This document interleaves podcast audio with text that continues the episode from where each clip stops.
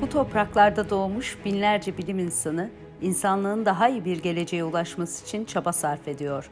Oxford Üniversitesi'nden Hittit Üniversitesi'ne, Humboldt'tan Muğla Sıtkı Koçman'a, Harvard'dan MIT'ye, Zürih'ten Van 100. Yıl Üniversitesi'ne genç bilimcilerimiz anlatıyor kitabının yazarları, çalışma alanlarını ve bilimin hayatta yarattığı mucizeleri anlatıyor. Oxford Üniversitesi öğretim üyesi Doktor Emre Eren Korkmaz'ın sunumuyla. Oku, dinle, izle. Kısa Dalga. Merhabalar. Bugün Kısa Dalga bilim söyleşilerinde Doktor Kudret Sezgin'le beraberiz. Merhabalar Kudret Hocam, nasılsın? Merhaba hocam, sağ olun. Teşekkürler. Siz de iyisiniz inşallah. İyiyiz, teşekkürler. Siz orada e, kapandınız, biz burada açıldık ama akademisyen evden çalışmaya devam ediyor. Aynen, aynen. Yaşamımızda pek bir değişiklik yok. E, bugün yine bizim yakınlarda Siyah Kitap'tan çıkan Genetikten Kuantuma Genç Bilimcilerimiz Anlatıyor kitabının e, bir yazarı olarak seninle görüşüyoruz. Sen e, bir e, arkeoloji ile pozitif bilimler arasındaki ilişkiye dair bir makaleyle katılmıştım. Bu da çok ilginç bir konu. Ben de bir siyaset bilimci olduğum için hani bu interdisipliner çalışmaların önemi üzerine de biraz daha konuşuruz diye umuyorum. Ama öncelikle sen kısaca kendini bize tanıtırsan çok sevinirim. Ben aslında arkeoloji hayatına 2001 yılında Mersin Üniversitesi'ne başladım. Lisans eğitimini Mersin'de yürüttüm.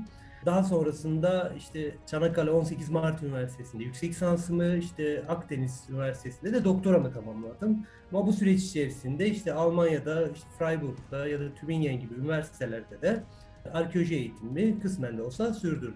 Ee, Şu an için e, ya arkeolojik anlamda hem kazılar hem de yüzey araştırmaları anlamında işte Tarsus'tan tutun da işte İzmir'e, Tunceli'ye ya da işte birçok e, bölgede de arkeolojik çalışmalarda da e, yer aldım. Harika. Şu anda Hitit Üniversitesi'ndesin. Evet, şu anda Hitit Üniversitesi Arkeoloji bölümünde de araştırma görevlisi olarak çalışıyorum. Harika. Tabii Türkiye arkeoloji açısından çok zengin bir ülke. İngiltere o kadar zengin olmamasına rağmen burada bile çok yoğun çalışmalar yapıyor işte Roma döneminden şunları bunları bulduk diye. Ve gerçekten Geç, e, buradaki bu yönde birçok belgesel de yayınlanıyor e, ulusal kanallarda. Mesela Stonehenge e, işte o mesela buradaki meşhur e, yapı Hı. eski dönemden kalma. Mesela onun bile nasıl yapıldığını anlamak için çok çeşitli teknolojileri kullanıyorlar. Yani oradaki mineralleri inceliyorlar, onun yaşını bulmaya çalışıyorlar. İşte drone görüntüleri alıyorlar, yapay zeka algoritmaları geliştiriyorlar. Yani e, artık birçok çalışma, birçok disiplin iç içe geçmiş durumda. Sen de aslında makalende bundan bahsediyorsun. Biraz makaleni özetleyebilir misin? Nedir? Yani biz sonuçta bu kitapta bilimle ilgilenenlere veya işte bilimsel çalışma yürütmek isteyenlere işte bir biraz da yardımcı olması için e, deneyimlerimizi aktaran bir kitap olarak hazırladık. İşte bir popüler bilim kitabı olarak hazırladık. Mesela arkeoloji okumak isteyen veya okumasa bile arkeoloji ilgi duyan insanlar açısından senin makalen ne anlatıyor? Şimdi aslında birçok e, yayında da arkeolojiyle ilgili birçok yayında da öncelikle arkeolojinin nasıl ortaya çıktı. Yani emekleme sürecinin nasıl oluştuğuyla başlanır. Ben de aslında kısa da olsa bu yönüyle başladım. Yani e, aslında arkeoloji eskiye merakla başlıyor. Yani eski medeniyetlerin ortaya koyduğu ve zamanla kaybolan bu medeniyetlerin geriye bıraktığı eserler üzerinde yaşayan insanların bir şekilde merakıyla başlıyor. Ve zamanla özellikle bu 18. 19. yüzyılda Avrupa'da çok yoğun oluyor. Yani dediğiniz gibi Avrupa'da çok fazla arkeolojik bir kalıntı e, o süreç için e, keşfedilmemiş olsa bile özellikle bizim Akdeniz havzası olarak kastettiğimiz yani Mısır'dan tutun da Doğu Akdeniz'e işte Anadolu'ya ve Mezopotamya'ya kadar birçok coğrafyada e, Avrupalıların ciddi anlamda bir merakı e, ve eser toplama e, süreci başlıyor.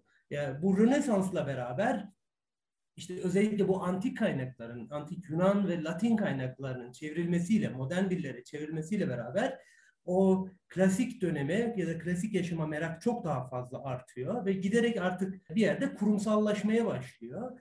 Biz Avrupa'da bu arkeolojinin kurumsallaşmış e, versiyonu olarak aslında müzeleri görüyoruz. Özellikle işte Fransa'da Louvre Müzesi ya da işte İngiltere'de British Museum, daha sonrasında işte Almanya'da açılan müzeler ki e, bazı müzeler doğrudan Anadolu'dan giden eserlerin ismini taşır. Pergamon Müzesi gibi. Bu müzeler aslında arkeolojinin kurumsallaşmış versiyonudur.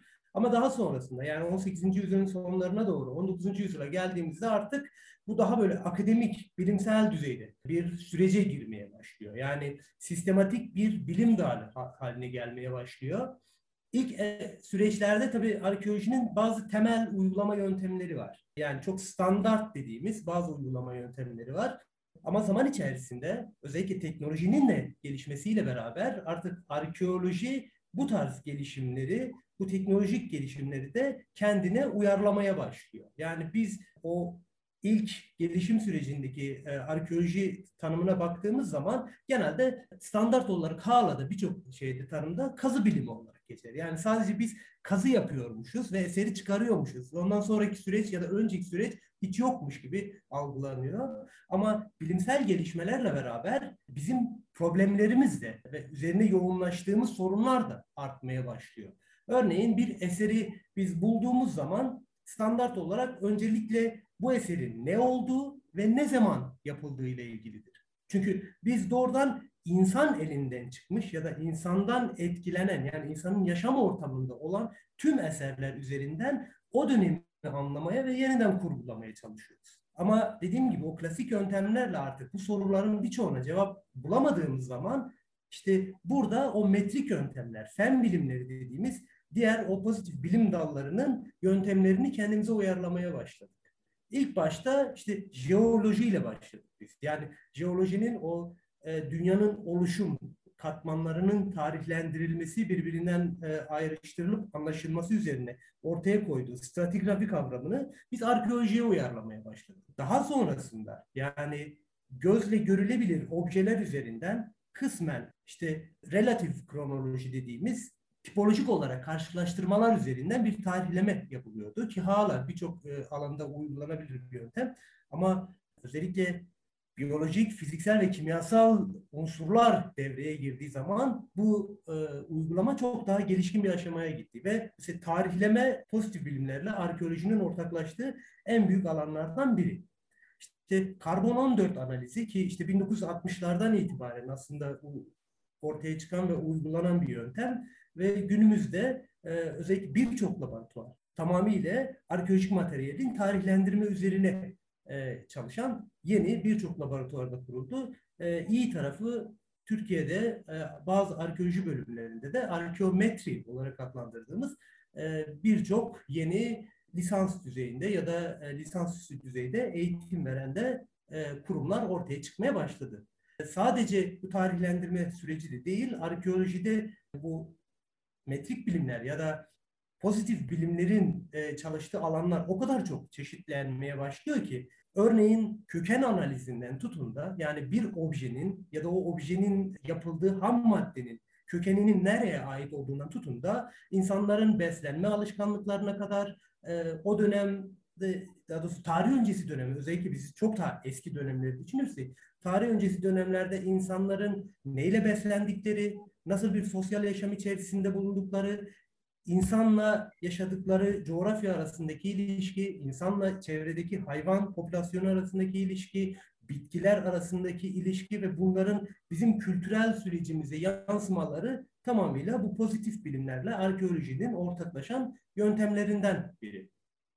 Evet yani bu siz demin bahsettiğim o e, yakın dönemde yayınlanan belgeselde de bayağı e o, bu Stonehenge üzerinde bu taşların nereden geldiği üzerinden yapılan bir tartışma vardı. Gerçekten e, teknolojik ve bilimsel araştırmalar üzerinden e, bu o taşların Cornwall denen İngiltere'nin daha nasıl güney batısındaki bir bölgeden oldukça uzak bir bölgeden geldiğini tespit ediyorlar. Ardından onun nasıl taşındığını anlamaya çalışıyorlar. Şimdi evet. tam denizden de taşınmıyor ama bir noktada denizden taşınması lazım. Sonra karaya çıkması lazım.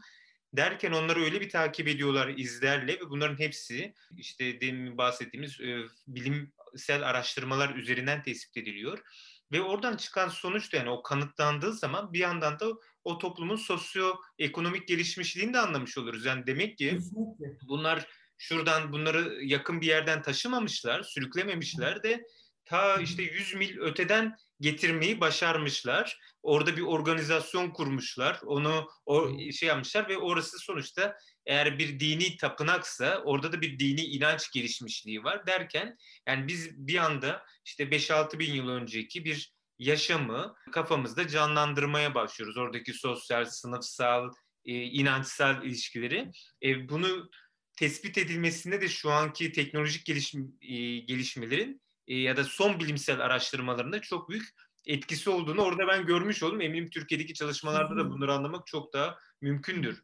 Arkeolojide aslında biz e, özellikle bu tespit çalışmaları sürecinde aslında uzaktan algılama sistemleri ciddi anlamda artık kullanılır hale geldi. Aslında ulaşılır hale geldi diyelim. Çünkü yani uydu sistemleri çok daha erken dönemden itibaren kullanılmasına rağmen arkeolojideki Türkiye gibi biraz daha teknolojiyi geriden takip eden ülkelerde belki biraz daha geç başladı ama günümüzde ciddi anlamda bu tarz teknolojiler çok daha rahat ulaşılabilir ve kullanılabilir hale geldi. Bir alanın tespit edilmesi, öncelikle mesela uzaktan yakına doğru gelen belirli aşamaları var bizim görüntüleme sistemlerinin. Öncelikle uydu sistemlerini kullanıyoruz ki uzaktan algılama dediğimiz bu uydu sistemleri bunlarla dünya üzerindeki birçok alanda özellikle e, o şeyi çok iyi biliriz. Yani bu 19. yüzyıl gezginlerinin ya da seyyahlarının biz hep raporlarını okuruz. Bu insanlar gezerek kalıntıları yerinde görmek suretiyle raporlarını yazmışlar. Ama bugün öyle değil. Hiç gitmediğimiz, belki hiç gidemeyeceğimiz coğrafyalardaki arkeolojik kalıntıların tespiti çok rahat bir şekilde yapılabiliyor. Yani Amazon ormanlarında da yapılabiliyor. İşte Afrika çöllerinde ya da Arabistan çöllerinde de çok net bir şekilde uydu görüntüleme sistemleriyle arkeolojik alanlar ya da kalıntılar tespit edilebiliyor. Sadece fotoğrafik anlamda da değil, lidar dediğimiz lazer teknolojileriyle dediğim gibi çok sık bitki örtüsünün ya da işte su katmanlarının altında olan yerleşimler dahi e, bu tarz uydu sistemleriyle ya da drone'a e, e, aplike edilmiş bazı aplikasyonlarla beraber ciddi şekilde haritalandırma dediğimiz bir sistem var ki bunun daha da ilerisi aslında jeofizik yöntemler dediğimiz belki de arkeolojide çığır açan bir diğer yöntem daha var. Bu da yeraltı haritalandırma ya da yeraltı görüntüleme sistemleridir. Maalesef halk içerisinde her bu biraz definecilerin kullandığı dedektörlerle karıştırılıyor. Hatta siz dedektör kullanmıyor musunuz diye çok fazla soru da alıyoruz. Bu sistemler yer altında ki kalıntıları daha hiç kazmadan, kazma vurmadan yani çünkü biz arkeolojide kazmaya başladığımız anda tahribat yaratıyoruz diyoruz. Yani biz buna arkeolojik kazı aslında tahribattır. Binlerce yıllık dokuyu bir yerde tahrip ediyoruz ve geri, geri dönüşü olmayan bir tahribattır. Tekrar o kurguyu üst üste kuramıyoruz. Ama bu tarz jeofizik yöntemlerle işte radar sistemleriyle işte elektrik öz direnç yöntemiyle yer altındaki katmanları, derinliklerini, boyutlarını hiç dokunmadan, hiç zarar vermeden tespit edebiliyoruz zaten.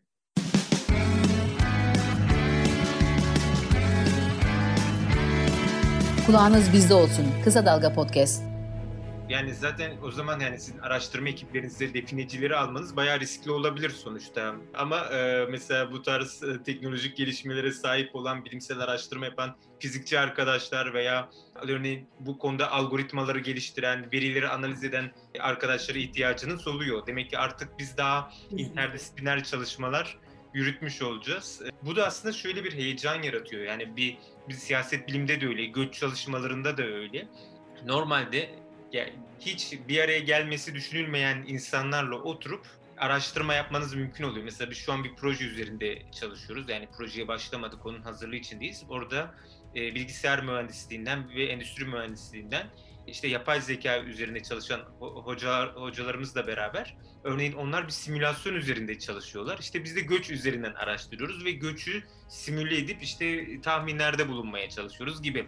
E, bu bir anda hiç çok farklı terimlerin bir araya geldiği, çok farklı disiplinlerin bir araya geldiği ve birbirinden öğrendiği bir süreç oluyor. Bu çok heyecan verici bir çalışma e, oluyor bizim açımızdan da. Çünkü bizim de ulaşamadığımız konulara e, ya da analizlere ulaşmamızı sağlıyor.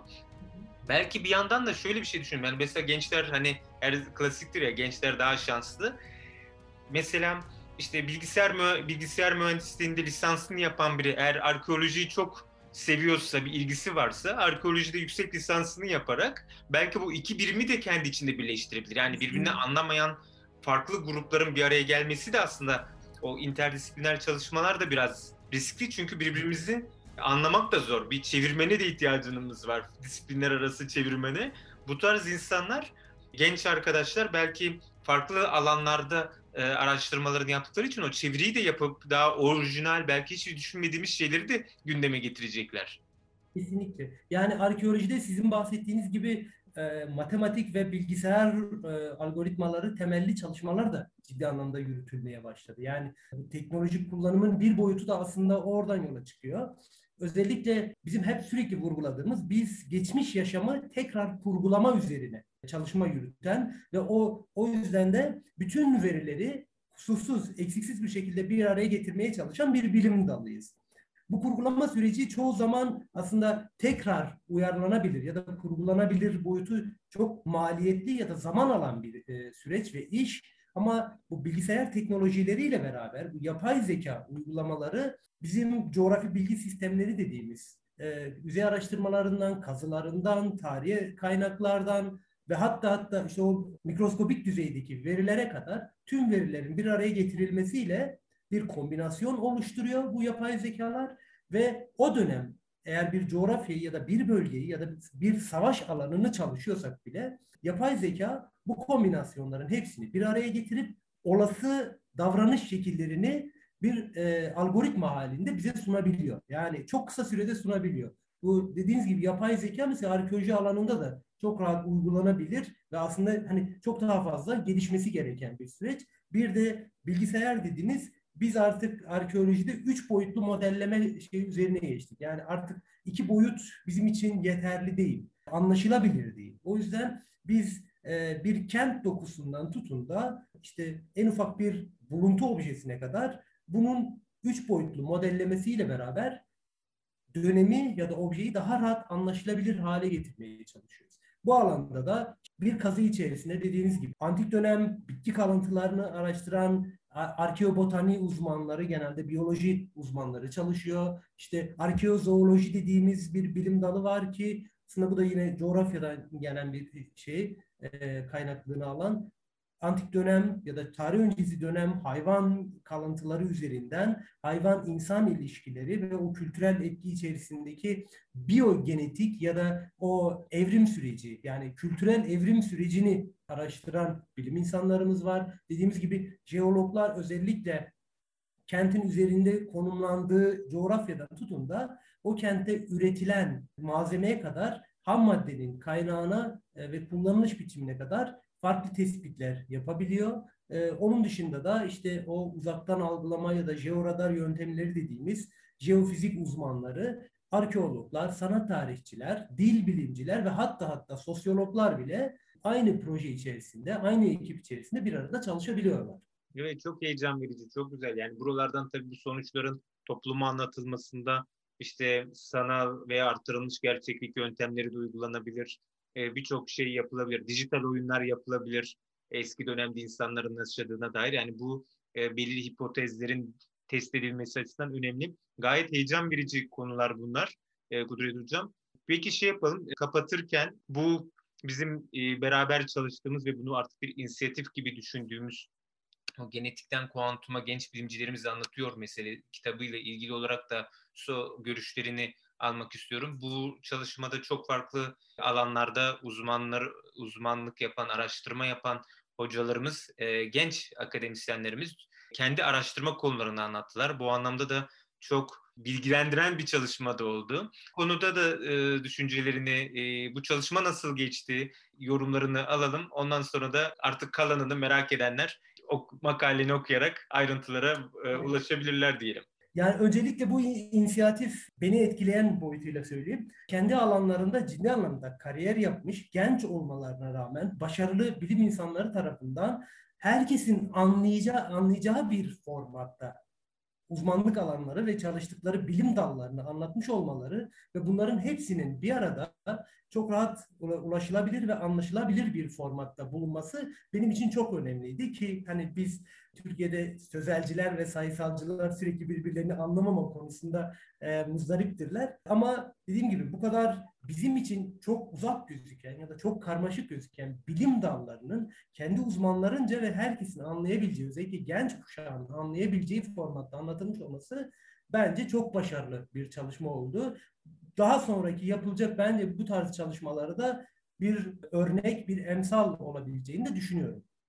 Çok teşekkür ediyorum Kudret Hocam. E, gayet güzel, ilginç bir görüşme oldu bence. Benim için de çok öğretici oldu. Özellikle bu benim kişisel anlamda bu interdisipliner çalışmalar çok ilgimi çeken ve çok heyecanlandıran konular. Çok farklı alanlarda geçmişi olan, araştıran hocaların bir araya gelip bir konuyu araştırıp tartışıp birbirini anlamaya çalışması muazzam e, bir dinamizm ortaya çıkartıyor. Herkesin aynı konuyu çalıştığı bildiği alanlarda bu biraz da artık sıkıcılaşmaya da başladı. Ee, biraz öyle bir durum da var. En azından benim açımdan öyle. O anlamda da çok böyle yön açıcı bir makale senin çalışman ve eminim birçok mesela akademik çalışmayı düşünen ya da kariyer düşünen e, genç arkadaşımız için de yeni fikirler verecektir diyorum. Çok teşekkür ediyorum. Çok selamlar, sevgiler. Ben teşekkür ediyorum. Son bir not daha koyayım. Yani bu kadar hakikaten çok ileri düzeyde. Biz bazı bilimler vardır ki hep ileriye yani geleceğe yöneliktir. Ama neden bu geleceğe yönelik bilimlerin arasında arkeoloji yani geçmişe yönelik bir bilim dalının e, yer aldığı belki insanların kafasında bir soru işareti olarak e, kalabilir ama nihayetinde bütün bilim dallarının geçmişi hep işte o toprak altında bizim çıkardığımız sürece dayanıyor. Aslında bilimin geçmişi bizim de yani arkeolojinin de araştırdığı süreçle doğrudan bağlantılı. O yüzden biz geçmişten geleceğe bir bilim süreci vurgulamaya çalıştık. Evet evet çok önemli. Yani o geçmişin yani tarihin ya da işte daha geç tarih öncesi dönemlerin yaşamlarını anlamak. Yani bizim aslında bildiğimizi düşündüğümüz birçok şeyin detayına vakıf olmak çok önemli konular. Aslında bizim aslında sosyal anlamdaki birikimimizi de etkiliyor. İşte felsefi alandaki örneğin çalışmaları da etkiliyor. Ve aslında bu dediğin konu birçok alanda da var. Yani bugün mesela yapay zeka etiği tartışılırken yine dönüp örneğin 17. 18. yüzyıl e, felsefecilerine hatta Platonlara, Aristolara dönmek zorunda kalıyoruz. Oradaki bilgeliği anlamaya çalışıyoruz ki bundan sonraki dönüşüm toplum nereye gidecek, neler olacak konusu üzerinden. E, o anlamda da evet e, bir öyle bir kafa karışıklığı olabilir ama biz zaten bu şeyle yaklaşmıştık ve gerçekten de öğrendik ki ne kadar aslında ileriye dönük bir e, çalışma yapmak mümkün. E, bu kaygıları olan ya da şey olanlar için de güzel bir cevap olmuş oldu. Yeniden teşekkür ediyorum. Başarılar diliyorum. Ben teşekkür ediyorum. Sağlıklı günlerde görüşmek üzere. Kısa Dalga podcastleri Demet Bilge Erkasab'ın editörlüğünde Mehmet Özgür Candan'ın post prodüksiyonu ve Esra Baydemir'in hazırladığı görseller ile yayınlanıyor. Kısa Dalga'ya destek vermek için Patreon sayfamızı ziyaret edebilirsiniz.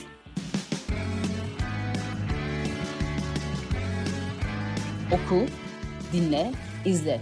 Kısa Dalga.